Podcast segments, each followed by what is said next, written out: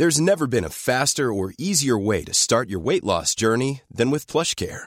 PlushCare accepts most insurance plans and gives you online access to board-certified physicians who can prescribe FDA-approved weight loss medications like Wigovi and Zepbound for those who qualify. Take charge of your health and speak with a board-certified physician about a weight loss plan that's right for you. Get started today at plushcare.com slash weight loss. That's plushcare.com slash weight loss. plushcare.com slash weight loss. Hey, it's Ryan Reynolds, and I'm here with Keith, co-star of my upcoming film, If, only in theaters May 17th. Do you want to tell people the big news? All right, I'll do it. Sign up now and you'll get unlimited for $15 a month in six months of Paramount Plus Essential Plan on us. Mintmobile.com slash switch. Upfront payment of $45 equivalent to $15 per month. Unlimited over 40 gigabytes per month. Face lower speeds. Videos at 480p. Active Mint customers by 531.24 get six months of Paramount Plus Essential Plan. Auto renews after six months. Offer ends May 31st, 2024. Separate Paramount Plus registration required. Terms and conditions apply if rated PG. Hiring for your small business? If you're not looking for professionals on LinkedIn, you're looking in the wrong place. That's like looking for your car keys in a fish tank. LinkedIn helps you hire professionals you can't find anywhere else, even those who aren't actively searching for a new job but might be open to the perfect role. In a given month, over 70% of LinkedIn users don't even visit other leading job sites. So start looking in the right place. With LinkedIn, you can hire professionals like a professional. Post your free job on linkedin.com slash people today.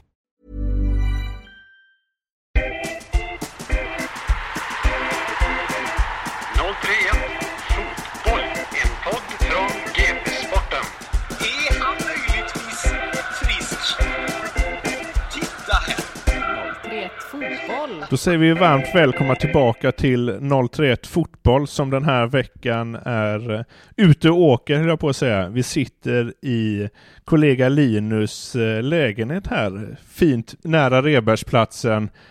Linus då som är Tallbergas stora son och eh, veckans gäst är inte från Tallberga men har varit på Tallberga köpcentrum och handlat ganska många gånger i sitt liv. Vi säger varmt välkommen till Simon Tern. Ja, tack så mycket. Jo, Tallberga är välkänt i regionen. Jag har aldrig längtat så mycket till att ha någon gäst som Simon. Kommer känna att jag aldrig kommer bonda med någon lika mycket. Nej, Tallberga och Västerås, det, det är grejer. Vad har du att säga om köpcentrat som eh, släkten Pettersson driver? Att de har allt. Och har de inte det just för stunden så har de hattat. Kommer det på tisdag? Ja, exakt. Jag kan ju berätta en liten anekdot för de som är intresserade av Tallberga köpcentrum. Det är Tallberga som alltid är en liten ort i Småland som jag tycker alla ska besöka. Eh, min morfar drev den butiken ganska länge och så eh, han sa alltid så, om inte något fanns hemma så kommer det på tisdag.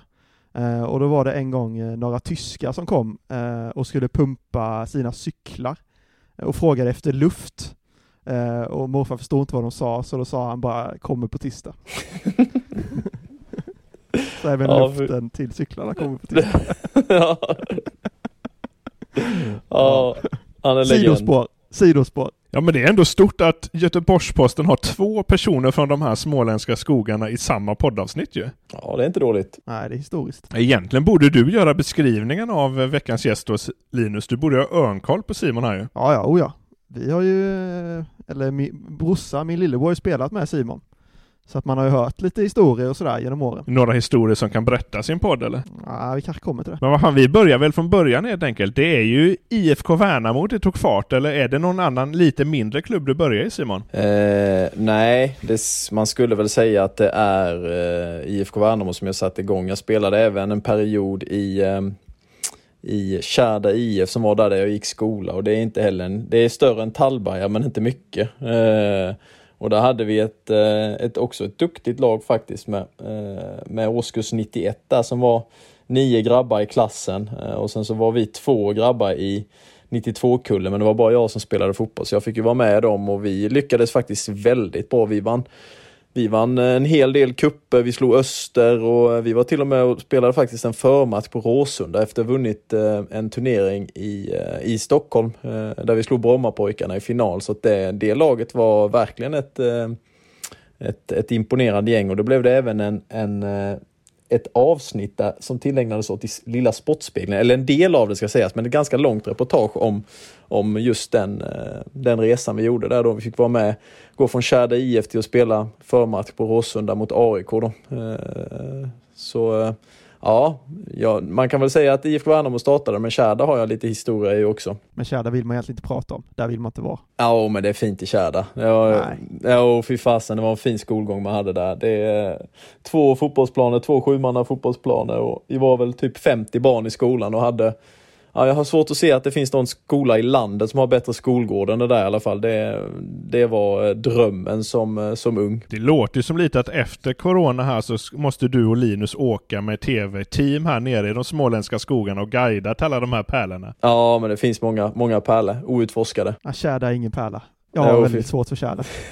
kan jag komma ut och säga här nu. Men med tanke på att det tidigt gick så bra för dig att du fick spela match på Råsunda och grejer så eh, måste du känt att fotboll kanske var det du ville göra redan som liten. Ja, alltså det, nat- det blev väl naturligt med tanke på att jag är född in i fotbollen kan man väl säga. Men eh, eh, hur, hur det, när det väl tog fart och när man egentligen, man tänker ju inte så mycket på Eh, på, på just det där när man är så pass liten skulle jag väl säga. Det, det är klart att man alltid drömmer och man har väl kanske ingen riktig verklighetsuppfattning om hur tufft det faktiskt är att ta sig hela vägen till eliten då det är ganska många miljoner människor i världen som, som utövar eh, fotboll varje dag och försöker bli eh, proffs och elitspelare och kunna leva på sin fotboll. Men det är en promille som, som tar sig hela vägen. Så att eh, det är klart att ehm, att man inser väl kanske inte hur tufft det egentligen är. För de få som har missat så har du en pappa som eh, spelade fotboll och var ganska duktig men eh, kände du att det var givet att följa i hans fotspår eller för många, det är ju många som vi ser där i Blåvitt har vi bara dig då, så har vi Noah Alexandersson, August Erlingemark. Det, det känns som att de flesta går nästan i pappas fotspår. Ja, sen så tror jag nog det finns många, väldigt många exempel för det finns väldigt många fotbollsspelare som eh, Eh, som egentligen om man ser till, till pappas generation där de, de säkerligen har söner, många av dem som har varit elitspelare men det är inte så många som, eh, som har tagit sig hela vägen. Men det är klart att, att, eh, att det är ju ingen nackdel att, och, och ha, och ha dem som, som bollplank också. Framförallt så har han förståelse för resan som, som man påbörjar framförallt när, när man börjar närma sig eliten. Ju. Eh, så är det ju, eh, det är ju, det är ju absolut ingen nackdel. Har det någonsin varit en nackdel då att heta Tan i efternamn? Jag gissar att det kanske var mer när man var liten och spelade än nu när du ändå är på den här nivån. Jo, men det är klart att, eh, att det har alltid varit, eh, varit speciellt sett till, sett till att man egentligen, eh, egentligen så har varit, var man än, var man än har, har, har varit eller har tagit sig så har man ju egentligen gjort det på grund av att man har ett namn. Man har ju aldrig gjort någonting själv egentligen så att eh, det har jag fått leva med länge och eh, hela vägen upp till egentligen även under, under början av min elitkarriär där, där, där det är många åsikter som, som tycker att man får, man får allting gratis eh, på grund av att man heter vad man heter och jag vet ju att eh, det är ju, jag skulle ju jättegärna hett någonting annat och, och sluppit det, det som jag tror snarare nästan tvärtom att man får vara ännu tuffare om man, om man ska klara sig ta hela vägen med, med den, den automatiska pressen som, som hamnar på dig och eh, som, som kan vara tuff för, för både en ung spelare och framförallt för barn. Det har varit så jobbigt ändå alltså? Ja, alltså jobbigt. Det, det är klart att när du är eh, nu på det nu, för jag menar nu är jag ju ändå så pass gammal att det fanns ju kanske inte sociala medier som kunde nå det på det sättet när jag tog mig fram som ung då, om man sitter när man var 14, 15, 16 och när man började göra sig Folk började se att man blev uttagen lite pojklandslag och lite juniorlandslag och sånt där så eh, så hade det varit, eh, och sen automatiskt så blir ju ljuset på dig på grund av att jag menar när jag gjorde debut i, i division 1 så var det ju artiklar i både Kvällsposten och Sportbladet och Fotbollskanalen. Då var jag 15 bast liksom, skulle fylla 16. Eh, och det är klart att det finns ju när, när eh, Josef Baffo eller när Viktor Claesson eller när Niklas Hult gjorde, gjorde debut på samma sätt i IFK Värnamo ungefär i samma, samma tid så var det ingenting som skrevs om dem. Så att, eh, det är klart att det, det ljuset som, som blir är, kan ju vara tufft att och, och ta, sig, ta sig in framförallt. Jag menar du är 15-16 år, du är ju ett barn fortfarande. Du har ju knappt börjat gymnasiet liksom så att eh, och sen när det når, når en ofta med, med kommentarer och, eh, och inlägg som, som inte alltid är så positiva utan det är ju oftast eh, nedvärderande och avundsjuka och, och försöker trycka ner eh, på grund av att man egentligen eh, då tycker de har fått mycket gratis. Hur hanterar man det då? När man är 15-16 år? Nej, men det, jag tror att det, den delen som man har, man lär sig framförallt när man blir lite äldre och, och sortera och vad som är viktigt egentligen. Att det är inte så viktigt vad, vad ni tycker om mig i GP till exempel. Eh, om ni tycker att jag är den största idioten och en oduglig fotbollsspelare. Det, det är liksom inte avgörande i, eh, i måendet eller, eller hur man ska betrakta sig själv. Utan det, jag tror att det är mycket, mycket en, ens egen liksom bild av att vad som är viktigt. Vems åsikt är viktigt? Nej, men de, det är ju de som, som är dig nära och självklart de som har hand om dig som, som, eh, som fotbollsspelare, dina tränare och dina lagkamrater. Och, Eh, jag har väl aldrig fått, fått höra någonting från dem att, eh, att man har fått någonting gratis utan förhoppningsvis så, så visar man ju varje dag att man är en ganska bra fotbollsspelare. Eh, och det är på den vägen man har tagit sig fram. Annars så vore det ju konstigt om, om man skulle kunna födas in i eliten liksom på, på det sättet som, som, som många tycker. Och att, att det är någonting gratis, det är det inte, utan det är tvärtom. Det är snarare ett, ett, ett ok, skulle jag säga. Eh, än att eh, jag skulle jättegärna heta Linus Pettersson istället. Oj, det är, nog, det är inte många som har sagt det i livet, höll jag på att säga. Nej. Nej, men om man ser till att, han hade kunnat bli, om jag hade varit samma person och samma fotbollsspelare, kanske inte journalist på GP, men eh, den, den drömmen som jag har haft. Nej, det hade du inte velat vara. Nej, det hade jag klarat mig utan tror jag, men eh, Jag hade gärna hetat Simon Tern, så att jag tror vi kan sluta någon form av deal här. ja, men det låter bra. Ja, Linus hade älskat uppmärksamheten där med en Ja. pappa som var igenkänd. Ja, shit alltså. Men hur stort stöd var eh, pappa i det här då, liksom? För han måste ju insett att det blev mycket tryck på det redan som 15-åring och 14-åring med tanke på efternamn och sådär liksom.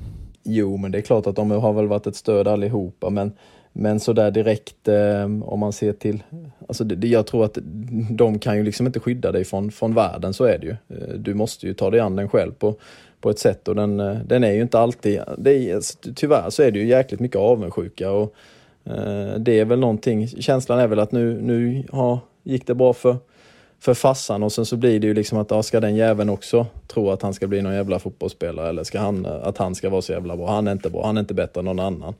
Eh, och det blir väl den, den svenska avundsjukan som, som är ganska påtaglig, den som man, som man känner eh, som, som man har känt eh, under, under perioder även under, under ens elitkarriär. Det är lite lättare att gå fram och fråga hur det går när de vet att det går lite sämre. Men du hade ju pappa Jonas som tränare också eh, i IFK Värnamo där.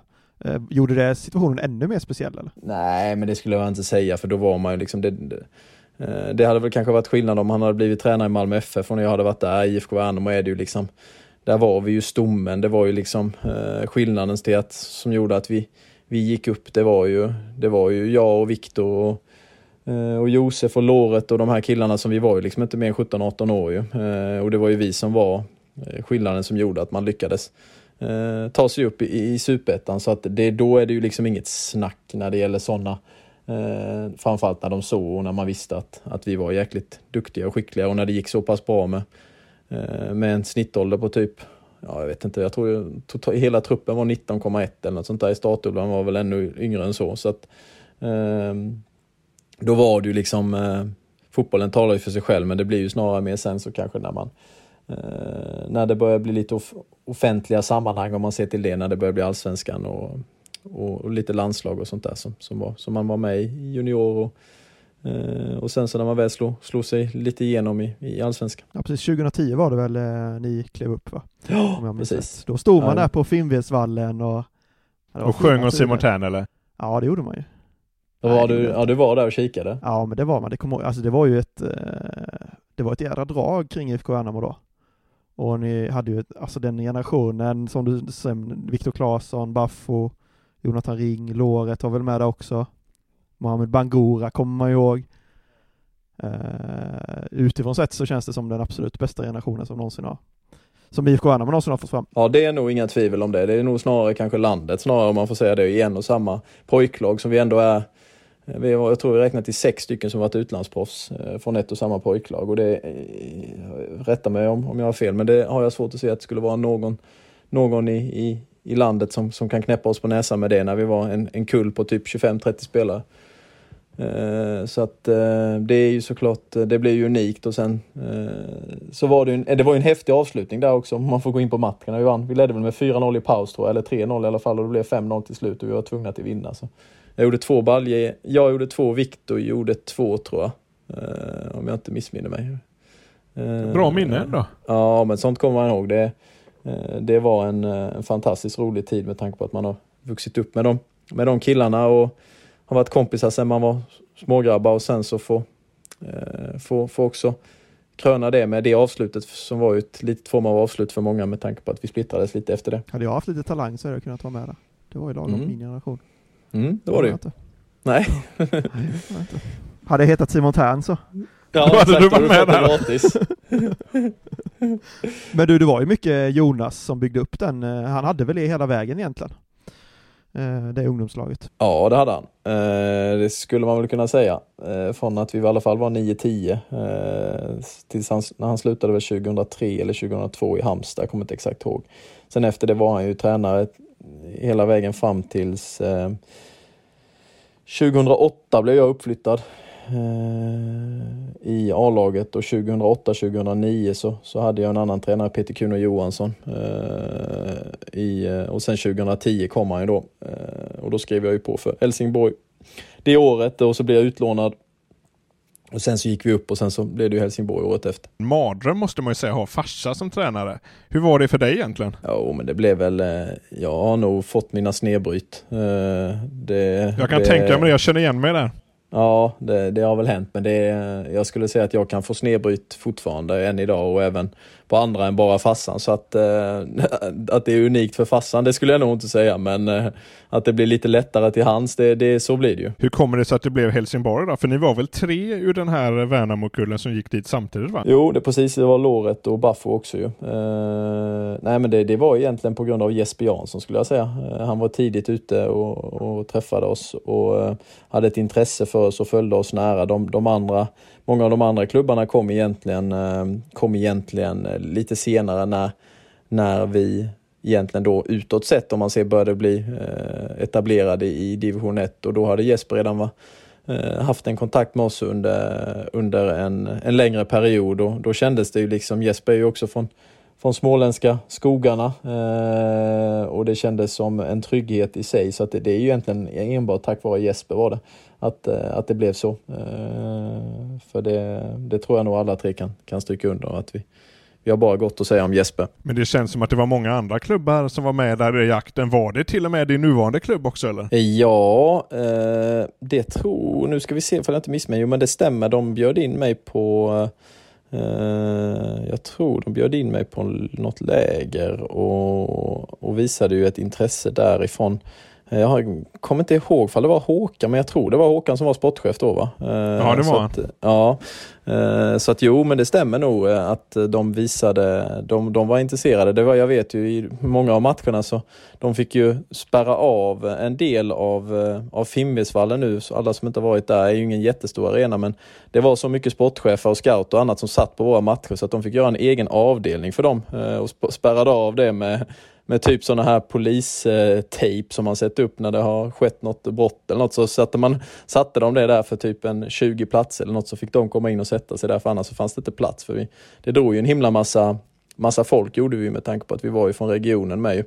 Eh, alla pojkar, alla, alla kände ju till oss och man var liksom lokala grabbarna så, så blev det ett större in, intresse och det var ju ett, ett snitt på jag tror mellan 1500 och 2000 eller något sånt, eh, vilket är inte i närheten eh, av vad, vad de har nu. Det här måste vi ta med Håkan Mild någon gång känner jag nu att han missade dig där och Jesper Jansson vann den kampen. Mm. Ja, nej, men det gjorde det. Men Jesper var ute, eh, jag tror jag blev inbjuden även ganska tidigt eh, i eh, men då åkte jag inte. Jag åkte inte på mycket sådana där, de hade ju lite sådana där sommarläger och sånt ju, men det, äh, jag var inte så mycket för det utan jag körde på hemma istället och sen så fick man ta det därefter. Var du lite som Zlatan och sa att du inte gör provspel eller? Nej, det var nog inte provspel. Det var nog mer snarare inbjudningar. När man är 15 år vet jag inte vad man kan kalla det provspel. När man är 15-16 det är väl. Eh, Men eh, när man väl spelar A-lagsfotboll så är det ju en annan sak. Jag menar, då, då är det bara att kolla på matcherna så ser de ju vad det är de, vad, vad det är de får om de skulle vilja ha en. Just. Så att, eh, eftersom man är fördelen med att, med att komma från, från lite lägre division är ju att du får ju spela men jag hade inte ens fyllt 16 innan jag hade gjort min första start i, i division 1 så eh, det är ju klart att det har man ju en, en fördel till sen när man kliver in i, eh, i seniorfotbollen med, med typ eh, Helsingborg och så utan man kommer direkt, inte från juniorfotboll för det är ganska stor skillnad. När vi pratar gamla flyttar som inte blev av så när du skrev på FIF Göteborg här nu så hittade vi en gammal artikel om att Jonas var nära Blåvitt typ slutet av 90-talet när han skulle hem från Italien tror jag. Vet du om det, vi fick aldrig någon klarhet riktigt i det där, vet du om det stämde att det var att han skulle hem? Eh, ja, jag, vet- eh, jag vet att de ville ha honom, eh, men han hade bestämt sig för att, eh, för att lägga ner. Så att det var väl det egentligen. Eh, så han slutade ju i Rangers. Han, han var färdig liksom med fotbollen. Så han hade inte drivet och motivationen kvar då, även om inte han, nu ska vi se, han var ju, han är ju 67, han slutade ju 98, så han var egentligen bara 31 år ju. Eh, så det var ju ganska tidigt. Eh, sett till nu idag i alla fall, då var det ju inte det för det var ju många som slutade ganska tidigt på grund av att eh, tekniken och så kring operationer och annat har ju gått mycket framåt ju och då är det ju lättare att, att återhämta sig från, från, eh, från skador och, och annat som kanske tekniken var kanske lite annorlunda för 30 år sedan än vad den är idag. Så. Ja, så till, till slut fick Blåvitt sin, sim- sin tärn då helt enkelt. Ja, det får man ju säga. Men du, Helsingborg då, det känns som en lyckosam tid även om den var ganska kort. Ja, det får man säga. Vi vann ju alltihop. Vi vann både kuppen och sen nu om man får räkna in supercupen och eh, allsvenskan och jag fick ju spela en mängder med matcher för tidig, för att vara första året. Jag tror jag spelade 24 eller 25 matcher av 30 så att eh, Eh, det var ju eh, det var ju en jättefin start såklart att få kröna det med ett SM-guld sitt första år. Det är ju många som springer runt hela sina karriärer utan att vinna någonting och då fick man vinna tre saker på ett år. Så att, det är såklart att eh, det, var, det var en härlig start på elitfotbollskarriären. Var har du Supercup-medaljen? Den måste ju väga tungt. Jag har fler, jag tror jag har tre eller fyra sådana här. Så, så, eh, men jag har ingen aning. Jag är en sån osamlare så att jag vet inte ens vad mina SM-guld är. Eller jag, jag har ingen koll på någonting sånt där. Utan jag, de, de sitter mer i, i minnena och i, i hjärtat snarare än att de sitter i små, små medaljer som du kan beställa på nätet för 150 spänn eller något sånt där. Har du slarvat bort dina SM-guld alltså? Ja, det kanske låter eh, slarvigt men eh, nej, jag har faktiskt aldrig... Det är samma, jag hade... Jag har ju fått lite tröjor och sånt av gamla spelare när man, när man växte upp och sånt där som, ja fasen coolt att få den tröjan men du vet jag, nej, jag vet inte, jag är väl lite egen sådär. Jag lägger inte så stor vikt vid det utan jag tycker det, eh, materiella ting är liksom inte avgörande så. Så om vi frågar det här och nu så vet du helt ärligt talat inte om du ens har dem i din, ägo längre, SM-gulden alltså? Nej, eh, nej, det vet jag faktiskt inte om jag ska vara ärlig. Eh, jag har absolut inte den blekaste och i sådana fall vad de skulle vara. Men det, det gör inte så mycket. Jag, jag vet att jag gav bort den ena medaljen till Malmö-supporter som antagligen är väldigt lycklig för den än idag. Eh, när jag själv kände att nej, fan för mig spelar det ingen roll. Och även Jag har så många. Ja, det också, men, men eh, framförallt att jag inte lägger någon vikt vid dem. Fan, det måste vi hitta han Malmö-supporten här ju. Ja, han, han har det. Han har säkert det där SM-tecknet någonstans liggandes på en hylla. Jag har slängt bort ett silver också i AIK. Eh, och det vet jag dock vem som har. Hade man vetat detta så hade det varit superskandal. Stackars Lias Andersson slängde ju en eh, JVM silvermedalj på läktaren. Det blir ju ramaskri ju. Ja, nej, det, det tycker jag det var, var väl löjligt. Det är väl upp till var och en. Hade du behållit ett SM-guld Linus? Ja, jag har ett SM-guld faktiskt. Ja. Inga följdfrågor på det. Nej, skol-SM-guld i eh, futsal. Kan vi få skryta Ja, med då när vi pratar eh, SM-guld. Den Ja. eh, medaljen har jag sparat. Då måste vi också ta det att du berättade innan vi började spela in att du faktiskt har spelat futsal med Simon Tern en gång i tiden. Han mindes inte dig. Det behöver vi inte prata om då. Jag tror att Simon är med. Jag kommer bara ihåg Viktor Claesson. Nej, nu försöker tror- du eh, rädda dig här. Han vänder Och den nu. Niklas Hult, eh, jag kommer ihåg var med. Vi spelade ju den inomhushallen, du vet, på Tinasö där. Ja, men Tina Sö. Jo, men det, det, jag var med där ganska mycket, men inte alltid. Eh, Det är lite baserat på när det var. Eh, Det är inte säkert att jag, jag var med. tyckte, jag tyckte det var sjukt stort alltså. Jag kommer ihåg jag var svinnervös. jag fattade inte hur jag kunde komma med där. Ja. Det fattar nog inte de heller. Nej, det Ja, fan tar vi, vad hette lillebror Pettersson? Felix. Ja, fan. Ja, Felix storebror följde med. Åh, vad fan, han får vara med då. då. Ja, typ så var det ju. Felix var ju duktig. Fick vara stolpe eller något. Men varför, varför blev det så kort sejour i Helsingborg då, Simon? Nej, men det var väl egentligen eh, lite olika aspekter, men eh, att jag kände att fotbollen som bedrevs var väl inte den, den optimalt utvecklande fotbollen. Så sett. Vi hade ju, la ju väldigt mycket vikt vid ett kompakt försvarsspel och eh, inte så mycket eget drivande spel så i sig, utan det var ju mer att det var jäkligt skickliga spelare som, som gjorde att man avgjorde matcherna. Eh, där tyckte jag Malmö låg i framkant, både med gällande spelare i, i min eh, gemensamma ålder eh, och en utveckling som jag trodde på på sikt skulle vara bättre för, för mig som spelare och egentligen därav så, så så tog jag det beslutet och Malmö blev ju fyra medan vi vann allting med Helsingborg. Så många tyckte ju man var en idiot som, som, som, som tog det beslutet. Men om man ser till hur klubbarna ser ut idag så finns det väl inte så många som kan ifrågasätta det beslutet. Ganska moget ändå i den åldern att tänka redan att den här fotbollen inte är så utvecklande för mig. Ja, men jag tror, alltså om, om du tittar på, eh, på, eh, på många yngre spelare idag så är det många, många fall kan jag säga att det, det kommer vara det som var avgörande för, för om, om yngre spelare ska välja den klubben som Eh, som, som är sin egen. Det är vad du bedriver för typ av fotboll och som, som attraherar. Det är inte så jädra roligt att och, och springa runt och försvara mer än vad du anfaller och se, se, se unga spelare att fasen om, och framförallt om de är, om de är, fram, eh, om de är duktiga och, och, eh, och det finns ett större intresse kring. Och så, så har de fyra lag att välja på vad de vet att det finns två som spelar en, en, en fotboll som är kreativ och utvecklande och försöker bygga någonting eget medan det är två andra som som mer lägger större tid på vad man gör utan boll och, och sådär, då kan jag garantera dig att de spelarna väljer alltid de, de två lagen som, som är de mer kreativa och de som, som försöker skapa egna saker. Sen så är det kanske inte alltid så att det är de som är eh, som vinner mest matcher, men för det mesta, eh, om man ser till i, i dagens fotboll så är det ju de, de lagen som, som, som har och den typen av fotboll som är de som är mest framgångsrika. Det finns ju ingen som kan säga något annat om, om det. Så om Blåvitt fortfarande spelar brottarfotboll, då hade du inte skrivit på alltså? Nej, det hade jag inte gjort kan jag säga. Tyckte du själv, du är ju en ärlig person, så nu ställer vi frågan, spelade Blåvitt brottarfotboll under den här perioden? Du får ju egentligen fråga farsan vad det, vad det betyder, den benämningen, exakt vad den betyder. Men om man ser till, eh, till så, så vet jag ju att det var ju liksom, det var ju mycket, mycket energi på Eh, på att spela fysiskt och, och, och, försöka ta motståndarna på det sättet. Då. Eh, kanske inte, om man ser till, till hur vi bedrev det i, i Malmö FF så, så var vi ju mer måna om att försöka ha ett eget spel och vi hade ju väldigt skickliga spelare såklart med, eh, med bollen som var kreativa och som, eh, som, som, eh, som var kanske andra spelartyper än vad Blåvitt hade på den tiden. Och därav så, så, så var det väl så egentligen det började och jag vet inte exakt varifrån han, han fick det men jag tror det var någon match han tittade på när, Eh, när det var ett jäkla, det var bara massa, eh, massa kamp och dueller och inget direkt spel och eh, det var väl därifrån han, han kände sådär att han, ja, han fick väl feeling som man säger.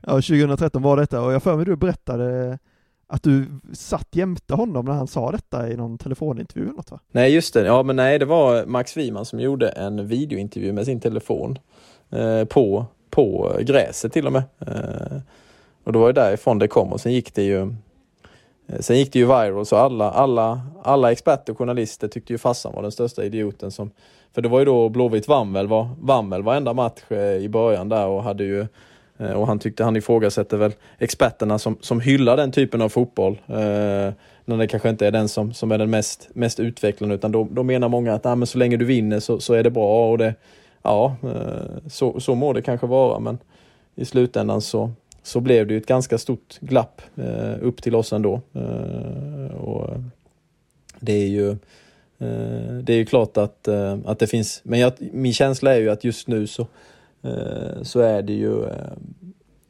mer och mer lag, även de som spelar, som är kanske lite sämre på pappret mässigt, försöker ju alltid bygga någonting eget i Allsvenskan. Och det har väl varit den största skillnaden från, som jag ser från, från de tio åren som jag har spelat i, i eller inte alla tio i Sverige, men runt, som man har varit runt omkring i eh, Allsvenskan på det sättet. Så, eh, så är det ju den största skillnaden är ju att det är många, det finns ju inga lag som är i princip sådana som, det är väl bara Varberg nu egentligen, eh, om man skulle se till typ ett sånt som accepterar att, inte ha något eget direktspel utan lever på energi och frenesi och, och, och eh, och bra försvarsspel och sen så bara försöka liksom ösa utan att ha någon direkt kanske idé med vad man ska göra eh, i det egna kreativa spelet eller försöka lösa situationer. Men nu, de flesta lagen idag har ju faktiskt eh, en stark tro och en egen idé på, eh, på, att, på att man ser ju också när, när typ sådana som Sirius och eh, Mjällby och sådana där som ändå kan komma en bra bit på, på att försöka ha någonting eget eh, snarare än att bara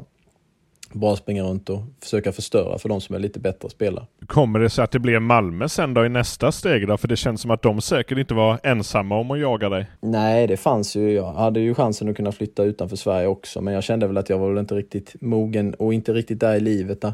Eh, jag kände att som 19 år gammal och dra iväg och, eh, och dra iväg på, på ett, eh, ett proffsäventyr så pass tidigt så då tyckte jag väl att Malmö kändes som, Eh, som ett bra steg och, och sen förhoppningsvis kunna utveckla, utveckla en bra fotboll och, och, och ta sig fram därifrån senare. Eh, och eh, lyckades ju även vinna två, två år så att eh, eh det var ju såklart eh, också en fantastisk tid i min, min karriär. Vi har haft några exempel i Göteborg då spelar gått mellan Gais och IFK Göteborg och det har blivit ganska stor uppståndelse men att gå mellan Helsingborg och Malmö gissar jag att det är det är väl nästan som att gå mellan AIK och Djurgården kanske, som kan slå det? Ja, alltså nu om man ser till AIK och Djurgården så tycker jag det är väl lite annat för där är de ju eh, de klubbarna är ju ändå ganska jämnstora. Eh, du kan liksom inte historiskt sett heller jämföra Helsingborg med, med Malmö FF på det sättet. Eh, om man ser till AIK, AIK och Djurgården är ju värst såklart av, om man ser till, tycker jag väl i Sverige, för de har ju ungefär lika många SM-guld, eh, de, har ju, de är ungefär lika framgångsrika, de är väl ungefär lika stora sett till runt omkring. AIK är väl något större. Eh, men eh, Helsingborg är ju lite lill, lillebrorskomplex mot, mot Malmö och jag menar det var ju inte så himla för 25-30 år sedan så lånade ju faktiskt Malmö ut spelare till Helsingborg för att de skulle få speltid. Så att, eh, det är klart att det var känsligt men samtidigt så, så tycker jag ju att man det, det, är väl inte i den digniteten även om jag fick, fick utstå ganska mycket skit. Hur hanterar man det? För du var väl 19 när du bytte där och det blev ju en enorm uppståndelse. Ja, nej men det är också en del och lära sig och det är väl därför man kanske har haft en fördel av att fått, fått, uh, fått vara med om detta ganska tidigt i sin karriär och lära sig sortera, sortera dem. Uh, de åsikter och som, som människor runt omkring har. Det både med tanke på, och det namnet jag har och det, eh, den tidiga, eh, om man ser till eh, att man var tidigt ganska ute och var, var ganska hårt åtsatt som ung. så så är det klart att det är någonting som man hade med sig också, även om det, det är såklart jobbigt när, när det blandas in eh, hot och grejer. Det är ju aldrig roligt såklart, men jag tyckte ändå jag hanterade det på ett väldigt bra sätt. Var det så illa så att det var hot till och med? Ja, de, det var ju både det ena och det andra. Eh, det var ju bland annat när jag kom tillbaka och skulle spela min första match där så hade de ju hängt ut någon docka och jag hade ju skrivit på en banderoll var det väl Simon Tern ska dö och Eh, det sjunger de ju än idag när jag möter dem. Så att, sen så kan man ju tolka vad, om det nu är ett hot att man ska dö, för det ska vi väl alla göra. Så att det, är väl inte, det var väl inga genier som skrev de där banderollerna, för det var ju mer ett påstående snarare än, en, än något hot. Det hade varit, då skulle lagt till ett nu på slutet. ja, varit, men då hade det varit, då hade det varit, då hade det varit något annat ju.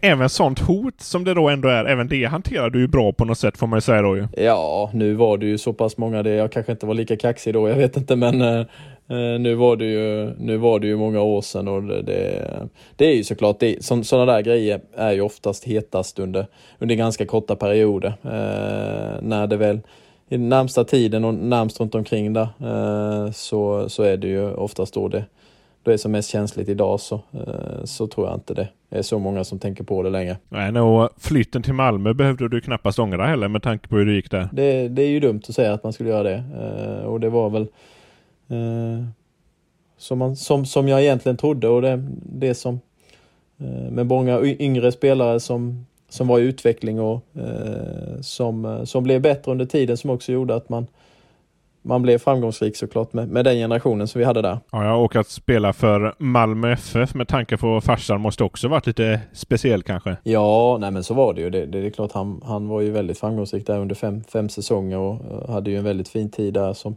som ung fram till han slog igenom och som sen eh, gav han hans Eh, hans karriär utomlands. Så att eh, det är klart att, eh, att det, var, det var också eh, något, precis som cirkeln slöts på något sätt där när, när man själv har, har representerat Malmö också och vunnit lika många. Nu hade de ju andra, de hade ju slutspel på den tiden men de vann ju serien fem år i rad men han fick ju inte mer än två SM-guld så vi, vi tog ju lika många. Det är viktigt ändå du. Ja, absolut. Har han kvar dem då eller är han lika? Det kan jag garantera dig att han inte har. Det har gått i arv den här. Jag tror han knappt vet vad VM-bronset är. Ja, herregud, vad är detta? Ja. Tänk om Håkan Mild hör detta. Ja, Ja, då kanske han blir stissig, jag vet inte. Mild vet jag ju faktiskt att han har ett prisskåp, fast det är gömt på en annan våning. Så folk som kommer hem till Håkan Mild och frun, de får inte se prisskåpet. Nej.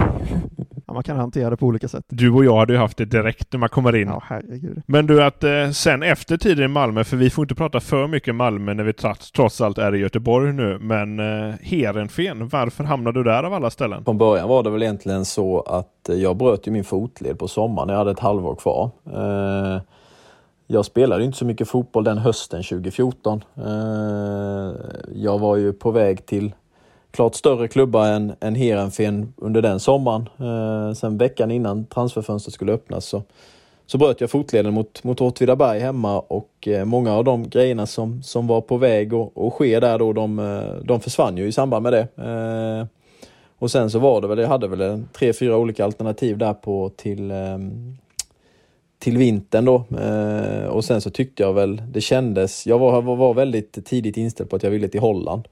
Eh, på grund av att både att det är ett steg som jag tror är, är lagom stort och att du kommer in du kommer komma in i eh, ett spel där du, där du troligtvis kommer ta en, en ganska, ganska stor plats direkt och få, få en stor roll. Och jag träffade ju Heerenveen ett par gånger och det kändes eh, och såklart också extra bra med tanke på att det fanns lite svenskar där och eh, som, som man kände ju sedan tidigare. Eh, Sam bland annat ju, eller vi kom ju ungefär samtidigt men eh, det var ju också en, en, en trygghet såklart att komma till något ställe där, där man kände att man, man hade flera, flera svenskar och Kristoffer var ju där också, Nordfeldt och Viktor Noring också. Så att, eh, vi var ju ett gäng där och även lite norska och danska eh, som, eh, som gjorde att det var väl egentligen där. Jag, trodde, jag, jag kände väl att fasen det kommer bli bra, man, man kommer få spela majoritet av matcher, man kommer, man kommer få, få de matcherna som behövs och sen kunna ta ytterligare nästa steg eh, ett par år efter man hade varit, varit i Holland egentligen precis på samma sätt som Sam har gjort. När du pratade större klubbar innan du gick till Heerenveen, var det liksom topp 5-ligor då i Europa eller? Vad fanns det för anbud? Eh, ja, det var det. Det var både det var, det var La Liga, det var Bundesliga, det var franska ligan. Eh, ganska stora klubbar i många, många av de ligorna som, eh, som eh, framförallt de, de tre var det ju där, där det kändes närmast. Eh, jag tror jag hade tre olika franska klubbar och eh, en, en tysk klubb som, eh, som var eh, som är väldigt eh, framgångsrik fortfarande än idag. Så att, eh, det, det var väl eh, på det sättet så är det klart att när man tittar tillbaka så, så tajmingen på mina skador har ju tyvärr, det är ju aldrig bra med, med skador men eh, om man ser till att man, man har haft dem ofta, eller man har fått, de har ofta kommit när man har kanske varit i, i sin bästa form för livet och det var väl egentligen samma sak som, som när jag fick den käftsmällen som jag senare fick ungefär lite över ett år senare i Holland också som, som där man var, kanske hade sin bästa tid i sin karriär under sju åtta månader och sen eh, så fick man ytterligare en smäll som gjorde att man det var ju tal om man skulle kunna fortsätta spela fotboll eller inte. Så att eh, det är klart att eh, det, det, kan man gräma sig lite för men det är inte mer än vad det är. Det är så är ju fotbollen tyvärr. Det, det är få spelare som får gå helt skadefria. Sen så, så kan ju tajmingen vara bättre än kanske, kanske vad den har varit för mig. Men det var så illa till och med att det var nära att karriären var över? Risken fanns ju i alla fall och det var en ganska, ganska allvarlig operation som man var tvungen att göra. Så att, eh, eh, framförallt efter, om man ser till när jag kom tillbaka, så, så tog det ju ganska lång tid innan jag kände mig eh, smärtfri och påverka det är jag varje dag. Eh, varje morgon man kliver upp och varje träning man går ut så, så, så har man en påverkan. Men eh, man får, får ändra sin, sin stil och sin, sin eh, identitet lite grann med, med, med sådana skavanker som, som man får. Så att, eh, det, det tog mig nästan ja, ett, mellan ett och ett halvt och två år innan jag kände att fan, nu känner, nu känner jag mig, nu kan jag åtminstone känna mig någorlunda normal från efter den operationen. Då. Och då var jag ju i, i AIK under den perioden när, när det kändes som att okej, okay, nu började det släppa. För det var, det var en tid när jag sprang och funderade på om det verkligen var värt att springa runt och ha ont hela tiden. Men då känner jag det fortfarande? Det var fotskada ska vi väl också Ja, jo, nej, o, o, ja, men det kan alla, om du, det spelar ingen roll vem du frågar, om du har haft korsbandsskada eller du har haft fotskada eller du har haft axelskada eller vad fan du än har haft så, så är det omöjligt att inte vara påverkad. Sen så blir vissa mer påverkade än andra men eh, det, du, kommer, du blir alltid påverkad, du blir alltid nedsatt som, som, som fotbollsspelare om du är tvungen till, till skära, skära i din, i din kropp och, och försöka åtgärda saker. Det, det blir aldrig detsamma efter. Hur känns det då att Alltså tänker man så här hur bra det hade kunnat bli? Om man vänder tillbaka lite till den här Värnamo-generationen så Viktor Claesson gör ju succé i Ryssland nu och in i landslaget och Niklas Hult har ju också varit inne i landslaget, han nämnde vi inte tidigare, men han kommer lite senare, han var född 90 va? Mm, precis. i Värnamo. Hur känns det att kanske du inte nådde de riktigt höga nivåerna som det hade kunnat bli? Ja, nej men så, så kan man ju alltid resonera men, det, men det, det finns ju tyvärr ingenting som du kan påverka så fotboll. Är ju en färskvara och det är klart att missar du kanske två år av, av den viktigaste åren i din utveckling på grund av skador så, eh, så, så, så för, då är, behöver man ju inte vara, eh, vara Einstein för att förstå att det, det påverkar ju såklart och framförallt när det är skador som påverkar även ditt sätt att spela fotboll så, så blir det ju, då blir ju, eh, det blir ju speciellt ju eh, och det är ju man, man, kan inte, man kan inte tänka så utan eh, skada är en del av fotbollen men sen så eh, Sen så är det klart att eh, ja, det är ju få spelare som går en hel karriär genom, genom eh, utan att, att få några skador men om man ser till tajmingen som har varit på min, mina skador så är de ju eh, horribla om man får säga så. Och AIK då? Det, varför blev det just AIK där? Ni var ju hyfsat nära ändå störa Malmö. Det var väl eh, sju pinnar tror jag ni var ifrån. Ja, nej, problemet var väl eh, på våren när vi inte, när vi inte fick igång något vidare spel och sådär. Och det, AIK, det blev egentligen bara på grund av att det var Rickard som var tränare. Det var han som eh, jag, jag kunde stannat, stannat kvar i Holland. Eh, det var klubbar som, som vill, ville både låna mig och som, som ville köpa mig.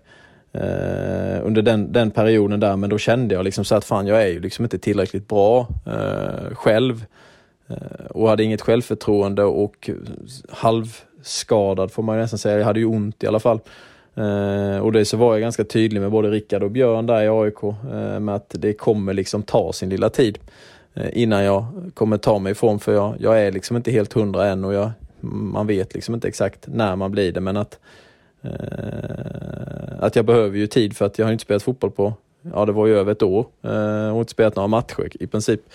Jag spelade väl en, kanske fyra fem i, i, ehm, i Holland innan där då, eh, men det fungerade inte riktigt och jag kände ju liksom att fan jag är ju inte där jag bör, bör vara och är helt enkelt inte tillräckligt bra för att för att eh, spela fotboll på den nivån. Och, eh, då så kände jag väl att en försäsong i Sverige, för det var ju på, kom ju dit i februari tror jag någon gång eh, och få bygga upp mig där och sen så förhoppningsvis spela, spela matcher under, under ett år och sen eh, se vad, vad tar det därifrån. Eh, och det var väl egentligen så jag tänkte. Och sen blev det Norrköping. Och om jag minns det rätt så var det snack om IFK Göteborg då också. Och du träffade väl till och med Poya Aspergi som huvudtränare då? Om jag minns rätt. Jajamän, jajamän, det gjorde jag. Eh, Herregud vad många gånger du har nobbat Blåvitt. Tredje gången gilt. Och så pappa på det, fyra då. Precis, fyra, fyra, tär- nobb, fyra tärnobbar. Eh, ja, Farfar. Bo var aldrig nära IFK Göteborg. Nej, det var han inte. Han var, han inte. Han var, han var bara i MBI där nere, eller nu idag FC Rosengård. Eh, så att han lämnade aldrig Malmöregionen. Jo, det gjorde han. Han spelade i Bromölla också faktiskt och lite andra ställen i Värnamo också. Om vi gräver riktigt djupt kanske det finns en IFK Göteborg-nobb där också. Ja, man vet inte. Det är inte omöjligt. Men, Men vad var eh, det som gjorde att det inte blev eh, Blåvitt den gången då? Trots möten med Poja. för dåligt lag. Eh, om man ser till eh, konkurrensmässigt så, så tyckte jag väl att eh, kvalitetsmässigt så, så hade jag en känn på att det där kommer inte vara ett topplag. Eh, och jag hade ju inte så fel eh, om man ser till det för det var väl ganska nära på till och med åka ur det året va.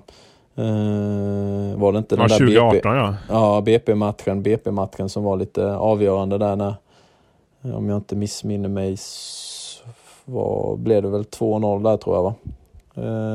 Jag brukar ha ganska brukar ha ganska bra minne när det gäller sådana grejer nämligen. Jag vet inte, det går inte ur skallen på en. Jag har väl för, för stort huvud, jag vet inte. När du har rätt, då lägger du det på minnet i vart fall. Ja, ja exakt.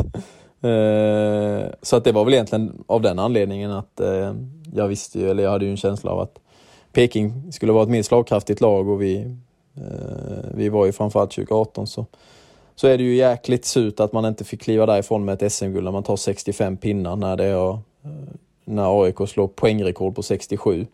Eh, så att eh, det var ju det är väl det som jag kanske grämer mig mest för egentligen i min karriär, att man inte lyckades vinna den. När det var ändå, det har ju aldrig hänt, hänt någonsin att man, man har blivit tvåa på 65 poäng. Jag vet inte vad Malmö tog i år, för de tog runt 60 eller något. Och, eh, Peking när de vann 2015 vet jag, då tog de 63 och jag tror till och med vi vann med Malmö eh, strax över 60 också. Eh, så att eh, det är ju det var ju väldigt mycket poäng för att bli tvåa eh, och ett bra, väldigt bra år om man ser till fotbollsmässigt så. Och vi var, gick ju lite under radarn med. Eh, så att eh, medans AIK satsade hej vilt för att verkligen, för att verkligen ta det där SM-guldet. Det var inte aktuellt att vara kvar där då? I AIK? Nej, det var det faktiskt aldrig. Det, jag, jag tyckte väl själv att jag var lite besviken på framförallt avslutet, hur det blev med, men sista, sista månaderna på hösten där, där jag stod mest vid sidan av och eh, premisserna var ju att det skulle vara ett lån. Och, eh, då eh, bör man ju, om man lånar en spelare så bör väl tanken vara att man åtminstone ska, ska få, få, få användas i laget för att göra laget bättre och inte Eh, framförallt när jag tycker att jag började vara i ganska bra form och framförallt när jag kände att jag började hitta riktigt bra form så var väl den, den perioden där när det var tio matcher kvar som, som jag blev åsidosatt. Eh, så att det, det var jag lite besviken på, så att det var egentligen aldrig aktuellt. Men Norrköping då? Det känns som att du trivdes väldigt bra i den klubben, till en början i vart fall? Ja, absolut. Jag trivdes bra hela vägen i Norrköping. Så att jag tyckte det var fina killar och ett, ett bra lag. Och, det är ju lite, lite surt förra året när vi borde, vi borde väl, tycker jag, med det laget eh, gått hela vägen sett till den starten vi hade också. Det som vi föll på var väl lite det, det kollektiva försvarsspelet tyvärr som, som blev, eh, det blev, vi, var lite, vi var lite för dåliga där och vi tränade lite för lite på det och lag kanske lite för mycket tid på exakt vad vi skulle göra när, när vi hade bollen hela tiden och, och glömde, glömde viktiga detaljer som man försvarar egen box och sånt där som, som gjorde att vi släppte in väldigt mycket mycket mål och väldigt mycket enkla mål. Eh, och när det var, man, vi vann sällan matcherna när vi inte var riktigt på topp, vilket gjorde att det, då blev det ju svårt tyvärr i slutändan att, att gå hela vägen. Ni spelade för rolig fotboll helt enkelt? Nej, inte för rolig, men eh, vi, vi la för lite tid på att eh, på att jobba med, med försvarsspelet helt enkelt. Eh, den fotbollen vi spelade, den hade vi kunnat fortsätta spela men hade vi varit bättre i det kollektiva försvarsspelet, i pressspelet Eh, så, eh, så är jag garanterad på att eh, om vi hade lagt mer tid på det så hade vi blivit än mer svårslagna och troligtvis då så hade vi även vunnit de matcherna som stod och vägde lite. Nu var det många som tippade tyvärr åt fel håll där. När vi pratar om Norrköping måste vi också prata om det som hände där hösten 2019. Ehm, som du har pratat om många gånger tidigare när du blev sjuk och ehm, det utlöste någon form av ångest och sådär. Hur ser du tillbaka på det idag? Ja, nej, men det är den, den tuffaste, tuffaste perioden i, som jag har haft i, i mitt liv och eh, Eh, Eh, var ju jäkligt, eh, jäkligt kämpigt eh, om man ser till hur, hur, hur, det, hur den hösten framförallt och sensommaren var hela vägen fram till det. Det höll i sig ganska länge för mig eller innan jag började känna mig, eh, jag gillar inte att säga normal, men innan jag kände mig att jag hade kontroll på, eh, på de, de sakerna som, som utlöste de här olika, olika panikångesten och, och den utmattningen som, som, som jag led av. Då. Så det det är klart att eh, det, det, är en, en, period i livet som, som jag, jag fick lära mig mycket den tuffa vägen om man ser till vad egentligen vad en kropp klarar av och vad ditt huvud klarar av eh, och hur mycket ditt huvud styr eh, hur du mår. Mm, jag kommer ihåg du pratade om då att det svårt att vara bland människor, till och med svårt att prata med folk. Har du liksom har du varit rädd att det ska hända igen eller har du känt av några liksom indikationer på att man är på väg åt samma håll eller är det helt borta nu? Eh, alltså det där, det där är ju en sån, sån grej som, som jag tror att man alltid kommer få, få leva med egentligen när man har varit igenom det och man, man har en förståelse för när, när saker är på väg eh, och man lär, sig, man lär sig sin kropp på ett bättre sätt. Och, eh, men att det, det ska ha varit nära att hända igen, nej absolut inte. Eh, för jag har ju lärt mig hantera de, de signalerna som utlöste de här olika en, en pan, alla som har haft en panikångestattack vet att det är ingenting man skojar med. Man brukar jämföra det med att eh, det är ungefär som att få en, en hjärtinfarkt. Eh, i, i, eh, och får man det flertalet gånger om dagen som jag hade det i perioder så, eh, så kan man nog tänka sig själv att det är inte så jäkla lätt att, att ta sig igenom en dag. Eh, utan då var det mer en, en, en battle om att eh, komma ur eh, de här onda onda spiralerna som, som man har och som man, och det tyvärr så är det ju inte så, du måste ju du måste ju ta dig an de här sakerna som är jobbiga. Du kan liksom inte gömma dig för det utan det, det går liksom inte att lägga sig i en säng och tro att det ska försvinna utan man, man måste jobba med det som för att man ska kunna ta sig ur det, som, som är mycket annat. Så att eh, det gäller ju att utsätta sig för de här olika typer av, av miljöerna som, som utlöste eh, ångesten då. Eh, så mycket, eller inte så mycket som möjligt, men i den mån som gör att man sakta men säkert kan börja återgå till det normala igen. Det går liksom inte att gömma sig och tro att ja, nu hux kan jag sitta när det är fullt, fullt med människor omkring mig och gå från ingenting till att ja, nu är allt normalt igen. Utan det är ju någonting som man successivt får, får arbeta med under, under en längre period innan man känner att man har koll att återgå till, till ett liv som, som det var lite liknande tidigare med, utan att tänka så mycket på sådana saker. Hur mycket präglar det eh, ditt liv och din karriär nu då? För jag vet att du var inne och touchade lite på det när vi pratade efter din första träning med, med Blåvitt här nu att i ditt val av nästa klubb är det viktigt att skallen mår bra. Um, hur mycket på, har det påverkat? Eh, nej men det är klart att eh, framförallt så, så är det ju, nu har jag två barn, eh, jag har två hundar utöver det också och har ju en familj som, eh, som är ganska stor sett till det i, i en ganska tidig ålder.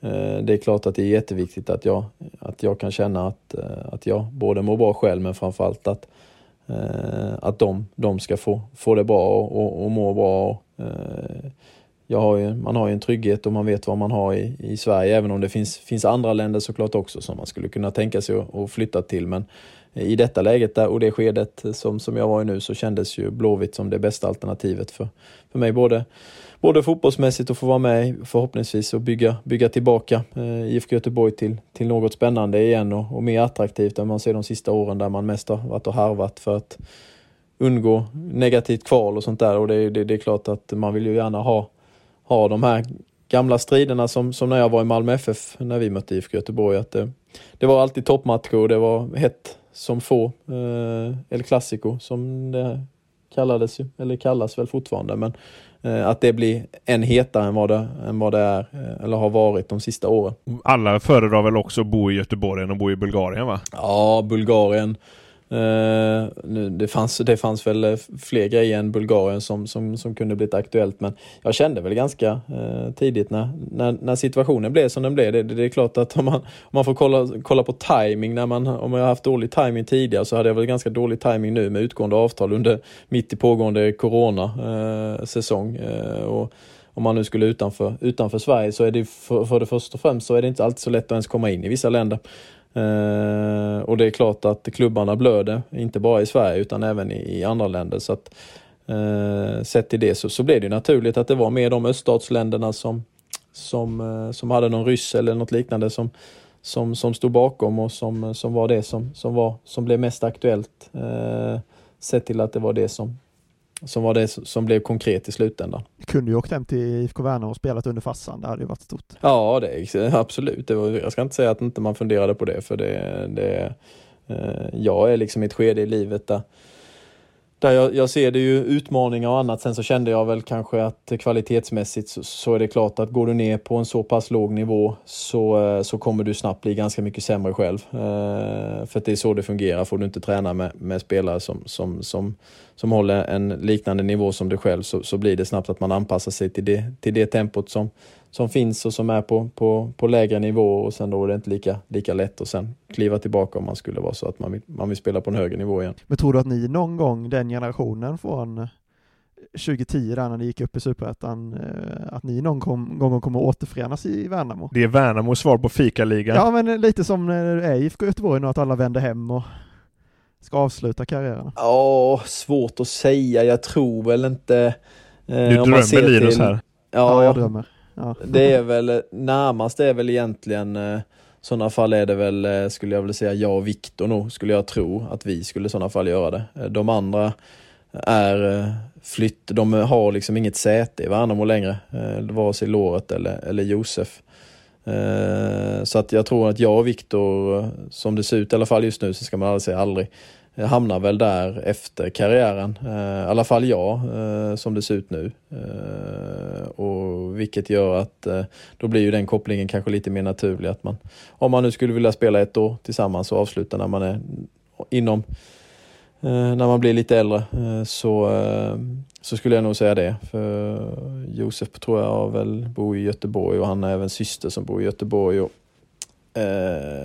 och Låret har ju, är väl i jag vet han har en sommarstuga ute i Herrestad där, där, vi, där jag är uppvuxen men eh, jag gissar på att han hamnar runt Helsingborg-trakten för jag tror att hans, hans fru är därifrån också. Så att, eh, det är väl egentligen bara jag och Viktor i sådana fall du får drömma om. Och så Freddy Winst som har varit kvar i alla år. Ja, Freddy, han, om inte han har slutat innan dess så, så, så är nog Freddy kvar. Niklas kanske också, jag vet inte. Om ni tre, ni tre kommer så är jag nöjda. Så är jag nöjd. Ja, ja, men det låter bra. Men hur kommer det sig att det blev IFK Göteborg den här gången då? För att eh, förra gången ville du inte vända hem för det var ett dåligt lag som höll på att åka ur och Blåvitt höll ju faktiskt på att trilla ur förra året också ju. Ja, absolut, men samtidigt så, så är det ju också lite med, med visionen som man har och, eh, och det som man ändå eh, jag har ju ganska svårt att se hur det kunde bli så risigt för jag tycker kvalitetsmässigt om man ser till laget så eh, så, så är det ju klart högre än den tolfte platsen eller vad blev det? Jag kan inte exakt eh, vad det blev förra året men kvalitetsmässigt så är ju laget mycket bättre än så och sen även när man har fått krydda med lite,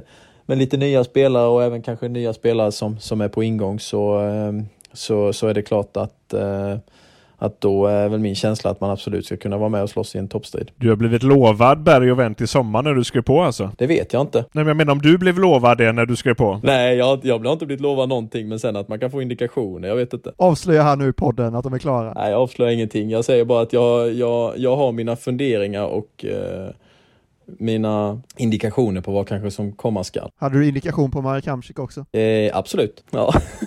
ja, det visste du när du signade också alltså? Jajamän, Marek kan vara klar sedan ett par månader tillbaka. Ja, jag var väntade på att det skulle skita sig i Kina. ja, exakt. Hur är det att ha honom i laget? Det känns som att fråga alla det nu men... Nej nu har vi ju tyvärr inte fått se han så mycket än. Uh, han uh, har ju egentligen bara, han var ju med första träningen och uh, var med en liten stund och sen andra träningen när han började visa Eh, vilken eh, oerhört skicklig fotbollsspelare han var så, så fick han ju en bristning i vardagen. så att ehm, det, det är klart att eh, det, det hade väl kanske varit lättare att sagt nu om han hade varit med i alla träningar men, men just hela hans aura och sådär är ju man känner ju till honom eh, mycket väl såklart och är ju en, var ju en av de bästa mittfältarna i världen under en period. Och, eh, det är ju ehm, det hade ju varit jäkligt roligt och hoppas ju verkligen nu att han, han hinner få rätt på det där så att, så att man kan få spela lite matcher med honom innan, innan det det blir EM. Ni får sluta spela beachvolleyboll som träning istället. Ja, det är väl det kanske. Han var inte van vid den tuffa träningen i Blåvitt. Nej, nej. Men hur ser man på er där konkurrens? För det känns som att ni är många nu på det mittfältet där med dig och Marek, det är Tobias Sana, det, det är många som vill ha bollen. Ja, men det är väl, eh, det är väl härligt att det, att det är så, att man kan fördela det snarare än att, eh, att man behöver en spelare som ska göra allt. Så att eh, då är det ju eh, det är, ju, det är ju skickliga spelare som, som är bra med bollen och eh, desto fler man är på plan samtidigt desto svårare blir det ju att kunna, kunna läsa av eh, vad, framförallt vad som kanske, om man ser att man bara har en, en spelare som, som är väldigt drivande i, i playmaker-rollen så, eh, så är det ju oftast en fördel att kanske vara några fler. Blåvitt brukar ju snacka om att vi ska tillbaka till toppen har det hett eh, de senaste åren här. Men eh, vad har du egentligen för tankar och målsättning med den här säsongen för er? Men jag, har en, jag har en tro på det såklart. Eh, att man ska vinna varje match som man, man går ut i. Det, det, det vore ju konstigt att säga något annat. Nu mötte vi ju Peking och de har väl kanske seriens starkaste offensiv och jag tycker bortsett från Seads superkanon och, och de omställningar de hade i slutet så skapade de inte många målchanser under, under de 80 minuterna som var och eh, det kändes väl som att, eh, eh, att det var en jämn match där, där vi eh, var lika nära segern som, som de nu om man ser till att bortse från från de sista tio minuterna när det blev att vi, vi gick kanske lite mer på chans och försökte få in en, en 2-1 eh, som vi var tvungna till att vinna. Så Eh, så är det ju såklart en, en styrka tycker jag att kunna, kunna stå upp bra mot, mot ett, ett av de toppkonkurrenterna, kanske den tuffaste bortamatchen för hela året. Eh, så ehm, kan man fortsätta bygga på det och få ett kanske ännu bättre spel än vad vi hade den matchen med, med bollen så, så tror jag att vi kommer kunna vinna många matcher och eh, det finns inget som säger att, att man inte ska kunna vara med hela vägen. Det, det, det, det är ju det är en tro som jag går in med i alla fall. Det låter lite som att du vill att de ska börja tina den här pytten redan eller? ja, jag vet inte. Det, eh, man kan väl åtminstone tyna tron på den. Vad käkar man annars i Malmö och Helsingborg där med vinna SM-guld? Det finns nog ingen tradition i, inte i Malmö i alla fall, vad jag har kommit på på rak um, och inte i Helsingborg var det väl inget speciellt heller. Så att det är nog Blåvitt som är ganska ensamma om den traditionen. Vi hoppas att du får uppleva det. Ja, får man göra. Man är också nyfiken här med tanke på innan du faktiskt blev klar för Blåvitt tror jag du twittrade och tokhyllade ÖIS faktiskt. Hur kommer detta sig? Nej, det, egentligen så var det ju, eh, jag satt och kollade på, jag tror fall de spelade mot Häcken eller något sånt där. Eh, på försäsongen där innan. Eh, sen känner jag ju till de två tränarna som, som har varit i Lindome. Då har jag tittat en del på eh, på division 1. Har du tittat på Lindome? På, ja, Värnamo spelade ju i ettan så att eh, då blir det ju naturligt att man, man har följt dem och det extrema sättet som de ville bedriva sin fotboll på med.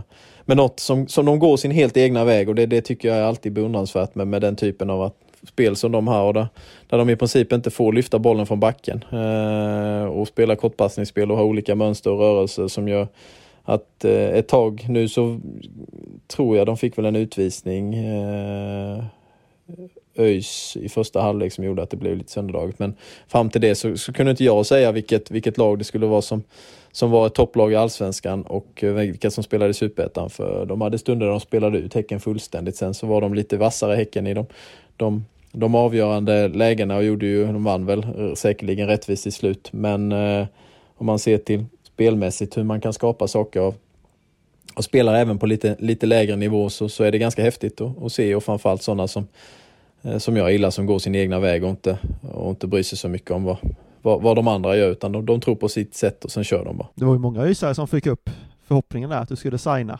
Att det var ett tecken på att det var på väg? Ja, det vet jag inte. Det, det var det väl inte. Det var mer bara en spontan känsla som, som jag fick när jag satt och ty tycker, jag tycker de, de som, som står ut från mängden och som vågar göra någonting eget, de, de ska man lyfta fram och det, det där tycker jag väl, se till att Lindome var väl, eh, jag kommer inte ihåg vilket år det var, men de var väl det laget i, i landet när de spelade i division 2 eh, i världen som hade näst högst snitt i possession per match förutom Manchester City. Så att Eh, det är ju det, det, det, är en ganska häftig, eh, häftig statistik som man kan skapa genom, genom de idéerna som, som de två grabbarna eller gubbarna har, har tagit fram. Just bara lite kort om ditt twittrande. Det känns som det blir allt färre fotbollsspelare som uttalar sig i sociala medier på det sättet. Eh, jag kommer ihåg ditt första inlägg på Twitter.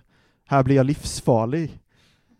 Har det där slått tillbaka på dig någon gång, att du är så frispråkig liksom, i sociala medier? Jag vet inte faktiskt, så, så jag, jag skriver ju mest eh, jag skriver ju mycket med glimten i ögat, men det är ju svårt att få fram i text. Men eh, där vissa är kanske lite för bajsnödiga tycker jag. Många människor är ju ständigt bajsnödiga, så eh, att man inte ska få lite roligt och få, få skoja och stimma lite, det, är...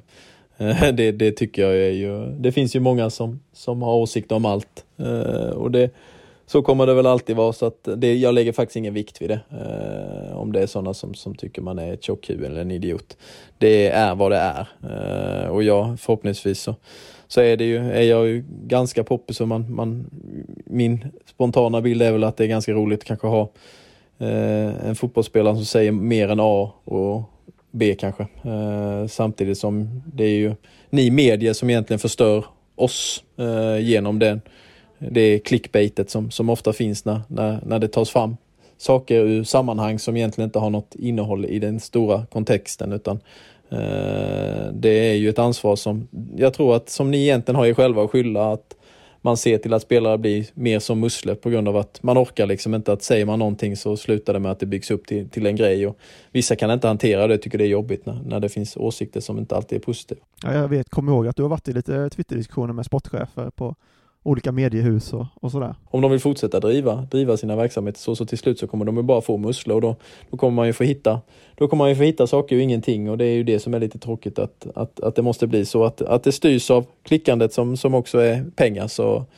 eh, så är det klart att eh, eh det, det blir ju det blir extremt det blir många gånger ganska fjompigt tycker jag när man hittar på egna saker egentligen som, som inte tolkas eller de, det, det, tolkas på sitt egna sätt liksom. Har du någon gång fått uh, någon kritik från någon klubb du har varit i för din frispråkighet? För vi hade ju Pontus Wernbloom som bloggade på GP en gång för många herrans år sedan och det blev ju ramaskri uppe på Kanatgården. De var ju supernervösa vad han skulle avslöja den där bloggen. Ja, nej, nej det har jag faktiskt aldrig haft. Uh, det har aldrig varit någon som, uh, som har sagt någonting till mig kring, kring det. För det som jag ofta säger är ju det, det är ju min, min känsla och, och det, eh, Eh, det har väl sällan varit någonting direkt riktat mot, mot något negativt så sätt som, som man ofta utan frispråkigheten den är väl, den, den kommer rakt från, från hjärtat många gånger när man, man reflekterar inte jättemycket över, man, man säger det man tycker och sen så, så byggs ju det oftast upp som en frispråkighet snarare än att det är för mig. Så är det egentligen bara mina åsikter istället för att säga att nej, man vågar inte öppna truten i princip för att uh, man säger egentligen inte det man tycker för man är rädd för att det ska bli precis som jag sa, att det blir stora rubriker av saker och det, det är ju många spelare som, som är sådana. Vi måste prata lite Marcus Rosenberg också. Ni, både din agent och så driver ni paddelhallar ihop va? Ja, precis. Vi är ju uh, goda Imperium. vänner. Imperium Ja, vi i håller- Värnamo också. Mm. Fastighetsimperium snart.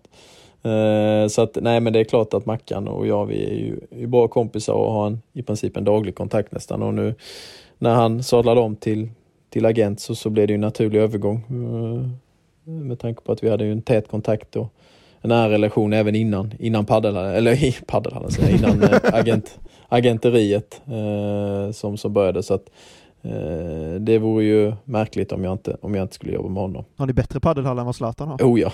Du har, du inte varit i den? Har inte du varit Nej, i jag har, den? inte, jag har inte varit där. Jag har inte fått någon Nej, inbjudan. okej. Nej, det är bara att åka dit så, så får, du, får du betrakta den själv. Men jag har svårt att se att det är många som knäpper oss i näsan i landet med den. Ja, jag har hört goda vitsord om det. Står det med i det finstilta i ditt Blåvitt-kontrakt att du får tillgång till någon form av paddelhall i Göteborg som du kan öppna? Eh, nej, jag, nej, det gör det tyvärr inte även om eh, det hade varit eh, trevligt att få, få någon liten plätt där man hade kunnat bygga en hall. Ja, men det, du har ju tid nu, treårskontrakt, innan man bygger en paddelhall. Ja, absolut. Det tar inte så lång tid, men det är ju snarare mer processen hela vägen fram som tar sin tid när det väl är dags att sätta spaden i marken. Så går det ju hyfsat snabbt, men eh, processen dit det brukar vara ganska lång, så eh, det, det tar sin lilla tid även om man inte, man tror ofta att det sätter igång när, när väl spaden sätts i, i backen, för det är ofta då man räknar från. Men hela vägen fram till att den ska sättas i backen så tar det ju minst lika lång tid som när det väl börjar byggas. Har du trappat ner lite på ditt arbete med paddelhallar och fastighetsimperium efter eh, du höll på nästan att gå in i väggen där i Norrköping? Nej, det skulle jag väl inte säga egentligen. Jag håller faktiskt på just nu med ytterligare ett. Jag kommer lansera en, en e-handel här snart nu. Eh,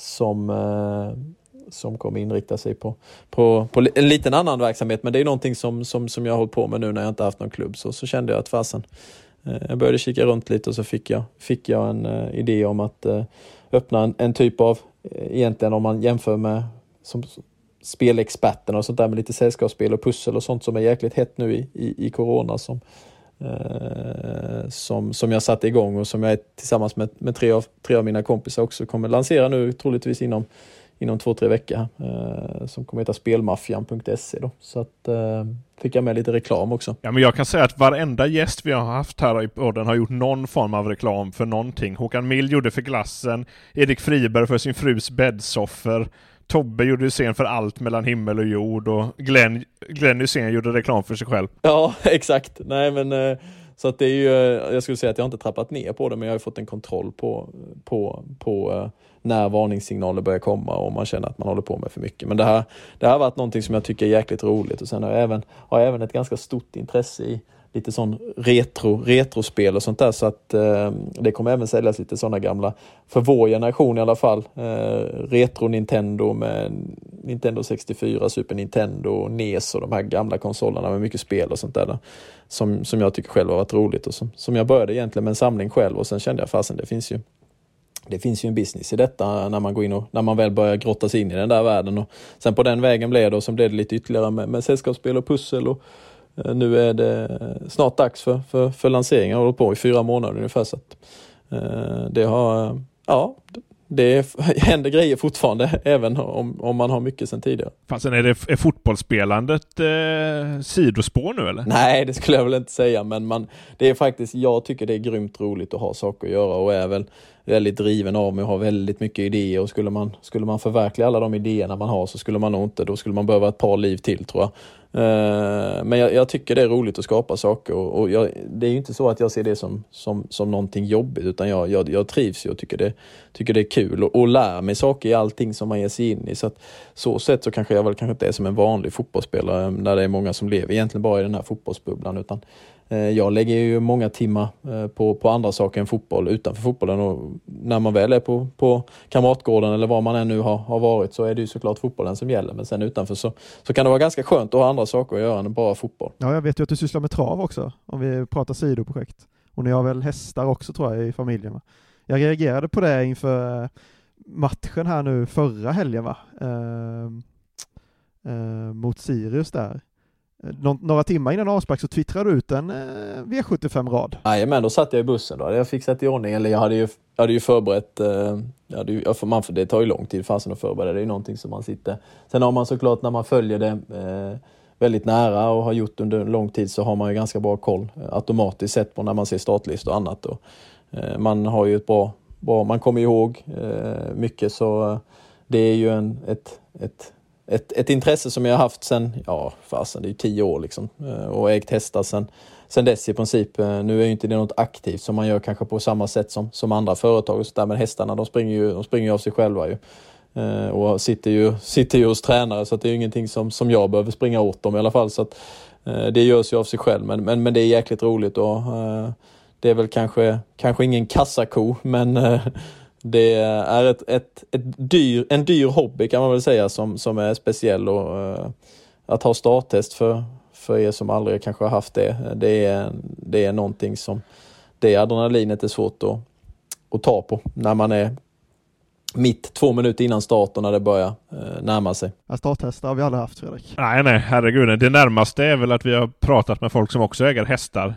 Mattias Bjärsmyr Pontus Wernbloom har jag för mig har en häst fortfarande, eller de hade för några år sedan i vart fall. Ja, de hade någon men det gick inte som, vi pratade om det häromdagen eller häromveckan tror jag, Eh, men det gick inte riktigt eh, hela Det vägen. var ingen kassako där heller. Nej, det var ingen kassako, det var nog snarare en eh, tvärtom. Tur att fotbollsspelandet är ganska välbetalt så man har råd med en fiaskohäst här och där. Ja, och framförallt och gör man lite andra sidoprojekt också som, som, som, som fungerar så, eh, så då har man råd att, att få ha en liten en dyr hobby. Sen är det väl ingenting som jag själv kanske kommer syssla med. Eh, så vi har ju haft, familjen har ju haft uppfödning, eller har ju fortfarande med, med föda upp hästar och som, eh, som springer ju lite här, här och var så att det är väl ingenting som jag kommer, kommer, kommer ta efter men det är jäkligt roligt att följa i alla fall. Nu ska du faktiskt få eh, spänna fast det här för nu är det dags för poddens enda fasta segment. Vi har fortfarande, trots att vi är inne på avsnitt, vad är vi, 15 någonting, ingen jingel, men det är dags för Linus tuffa frågor. Oj! Ja, exakt. Det är exakt så Linus vill att du ska reagera. Alla blir väldigt rädda när det här segmentet kommer på. Linus är, så du vet nu, den tuffaste journalisten i Göteborg. Ja, mm, jag får hålla i mig då. Men nu- nu har, nu har du redan berättat vad det här ska handla om. Eh, jag hade ju väldigt, från mina initierade källor, Värnamo-källor, eh, rapporter om spelmaffian.se. Men nu har du ju redan avslöjat den ju, så att det blir liksom ingen bomb i den här podden. Nej, men eh, det blir en halvbomb då. Eller min bomb, det blev när jag berättade den snarare då. Jag har ju i alla fall kollat upp det här. Du sitter ju som ordförande i det här bolaget. Jajamän, ja, det må, högsta hönset. Och ni eh, marknadsför ju er som proffs på spel av alla typer. Det är ändå eh, starkt. Det är mycket starkt, men, men vad är alla... Ty- ja, jag vet inte exakt eh, vad den slog, var du har hittat den slogan. På ert Instagramkonto. Ja, okej. Ja, nej, den är väl inte riktigt igång än. Det var mer snarare när man låste, man låste namnet eh, till en början. Det där gjordes nog första dagen när vi kläckte idén egentligen tror jag. Eh, så att för annars är det ju bara, alltså det är jäkligt svårt när, om, nu är det inte jag som sköter marknadsföring utan vi har ju olika roller i, i bolaget. Men, Nej, jag skyller eh, ifrån det här nu. Ja, men det är ju så Han är att rädd för frågorna som kommer nu. namn... så- Nej då, det är jag inte. Om du inte du knyter upp ditt, eh, ditt namn på Instagram och Facebook och sånt där så, så blir, går det ju väldigt fort till att det finns andra som kan knäppa det när det väl är dags och då, då får du inte tillbaka för Instagram stänger snälla ner konton. Ja, oavsett, jag, jag har i alla fall hört från mina initierade källor att du är en eh, spelnörd. Um, så att jag tänker, och eftersom ni då marknadsför det här bolaget som att ni är proffs på alla typer av spel, så tänker jag att vi ska testa dina spelkunskaper lite här. Ja, spännande. Ja, och det är ju allt från eh, datorspel till brädspel här nu som, så att nu gäller det att leva upp till den här sloganen. Ja, verkligen. Eh, annars kan det bli ett platt fall. Fallhöjden är hög för det här bolaget. Aj, aj, aj, shit. Nu håller jag i mig. Så fem frågor. Ehm, fråga nummer ett. Pris förresten, när du har gjort det här med Sebastian Eriksson och flera andra så är det ett pris i potten. Just det, Sebastian Eriksson, det var ju champagne. ja. Malcolm Mensa, det var ju makrillfråga. Vad hade vi för pris då? Fiskespö eller någonting. Okej, priset är att jag kommer köpa någonting från den här eh, webbshoppen Oj. Oj, oj, oj, spännande. Jag blir Ja, då- första kund. Ja, ja det låter bra. Nej, det har vi faktiskt redan en hel del som står på, på kö, men du kan bli en av dem i alla fall. Jag slänger in att om han har fy, tre rätt så måste du spendera över tusen kronor Linus. är du god i huvudet eller? Nej, jag slänger Jo, in men det, det, ja, men den, den tycker jag, för att nu har du ju liksom eh, nu har du ju börjat, du kommer ju säkert ha riktigt tuffa frågor här, så att eh, tre rätt, det håller jag med om. Det är mer än hälften, det måste vara godkänt. Ja, då är det tusen spänn En tuss. Du kan få lite rabatt om du är jävligt snäll. Ja, ja, okej, vi kör då. Men det är ganska tuffa frågor så att eh, jag tror inte du kommer klara det. Nej, okej. Jag känner mig ganska, jag, jag känner mig känner dig spontant säker på ganska det? lugn. Jag känner mig spontant ganska lugn faktiskt. Ja, det låter bra. Okej, fråga nummer ett. Nu åker vi. Vad heter de gröna gatorna i Monopol? Och inget sånt här googlande nu. Ja, just det, nu sitter vi inte med Simon här så vi vet ju inte om han fuskar. Eh, nej, eh, men ska jag vara helt, om jag ska behöva klippa alla tre så kommer jag inte klara det. Eh, jag har ju spelat så förbannat mycket Monopol. Fy fasen vad Monopol man har spelat. Men om inte, de ligger ju direkt efter fängelset ju. Och sen innan de blåa ju. Eh, Jag kliver in och säger om du kan två så får du alla rätt. Drottninggatan. Ja, det är ett. Nej, jag kommer inte, jag kommer inte ta någon mer än Drottninggatan, tror jag. Bra. Mycket bra. Eh, diplomatstaden och Gustav Adolfs torg. Ja. Det var ju synd. Ja, men en var det i alla fall. Det, det, var, det där var en jävligt tuff fråga, måste jag säga. Det kommer Alltså- mer Simon. Det kommer Ja, mer. okej. Sebastian Eriksson hade noll rätt, Malcolm Ensa hade noll rätt. Ja, okej. Då vet jag. Den här tycker jag dock du borde kunna, för detta har jag hört eh, ett av de spelen du har spelat allra mest. Eh, återigen enligt mina initierade Värnamo-källor. Som kanske är Felix Pettersson. Eh, jag avslöjar aldrig någon av mina källor. Källskydd. Källskydd, ja. Vilket år släpptes eh, datorspelet Tibia? 1997. Åh oh, herregud. Det är rätt alltså. Det är rätt. Fan imponerande. Ja tack, har- då har jag slått både Sebban och Malcolm Wensa då i alla fall. Ja, det kan du inte säga till Sebban imorgon på träningen. Ja. Grejen är att jag hade en, en ex, jag hade en bonusfråga till den här frågan också, så man kunde få bonuspoäng på. Jag vet, jag vet inte om jag vill läsa. Jo, jo, Jo, kör det nu. måste du göra nu. Nu måste du ta den. Okej då. Bonuspoäng om du kan säga vilket land utvecklarna kom ifrån. Tyskland. Hur många var de? Ja, men det är ju det är överkurs för Får fan. jag två poäng? De har fyra. Nej, de var tre. Puh. Ja, fan. Men det, det är två poäng nu Linus. En till rätt och det är tusen spänn. Jo, nej, nej. du kan inte börja neja nu. Nej, nej. Du vet Linus är ju smålänning, du vet tusen spänn Ja, är mycket ja. då. Jag har aldrig lagt så mycket som tusen spänn på någonting i hela mitt liv. Nej, han har inget fastighetsimperium och paddelhallar heller. Nej. Ja, ja, okej. Motvilligt går vi vidare. Eh, Ja. Fråga nummer tre. Vilka är de tre mest sålda spelen till Nintendo 64? De tre mest sålda. Eh, Super Mario 64, James Bond Goldeneye.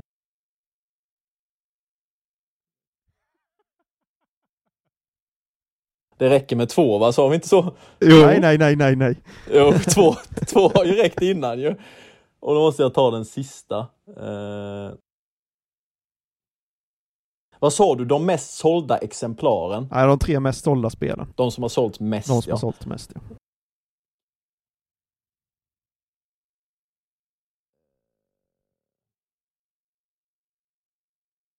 Mario Kart måste det vara. Mm.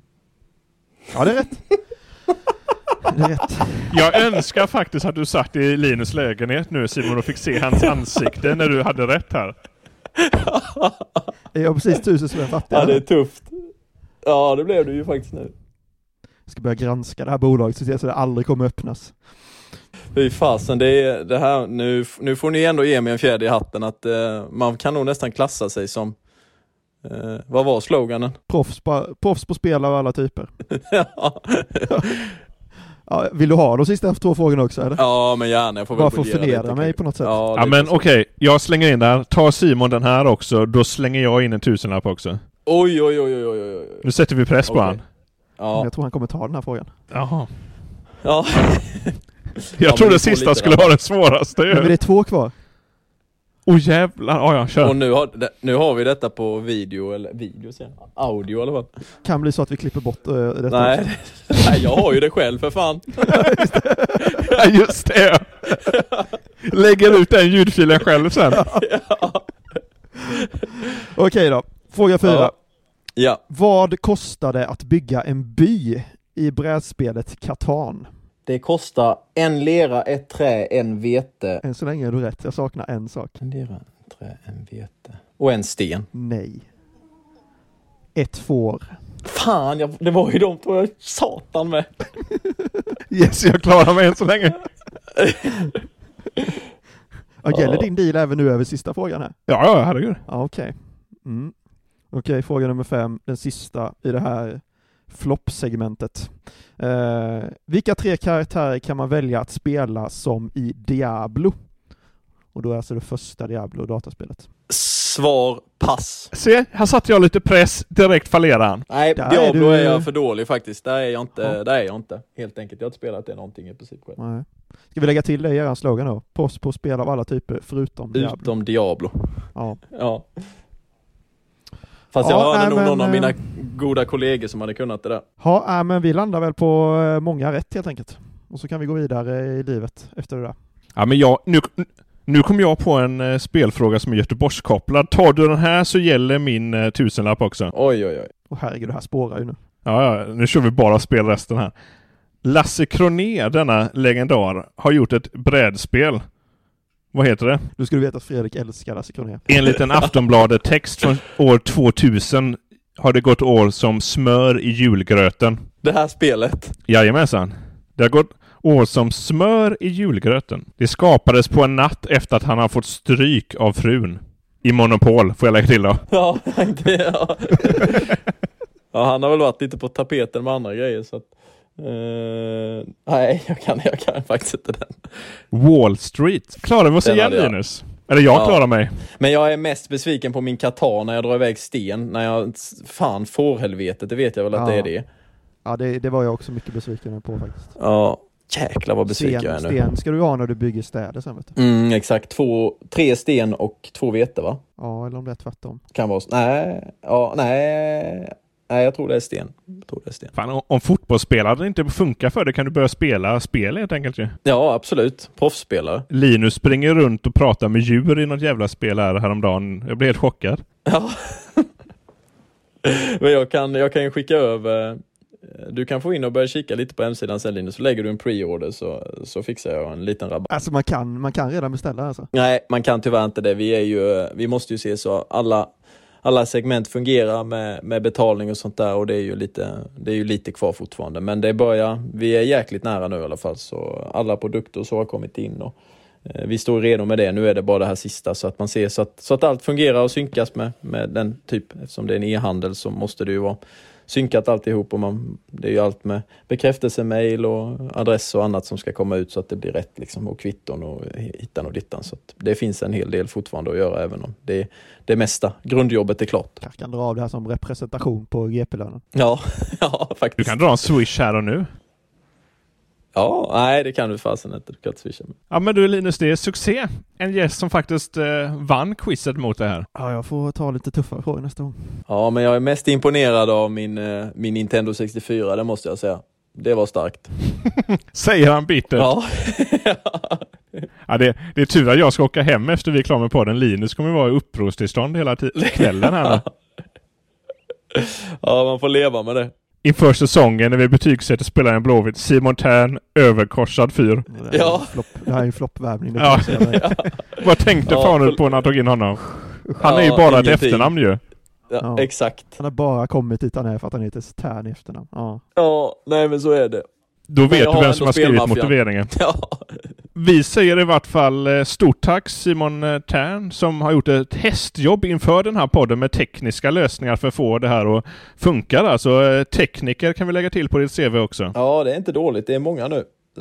Nu, har jag blivit, nu får jag snart nischa mig till något. Ja, ja, poddande är ju annars populärt där. Det är många fotbollsspelare som gör det, så snart startar du egen podd säkert. Ja, kanske. Vi får väl se. Jag är inte riktigt där än i alla fall. Då har vi ingen konkurrens där än så länge.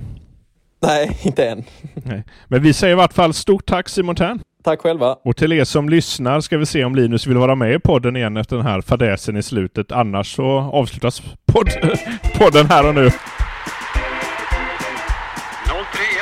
Fotboll, en podd från GP-sporten. Är han möjligtvis frisk? Titta här! 031 Fotboll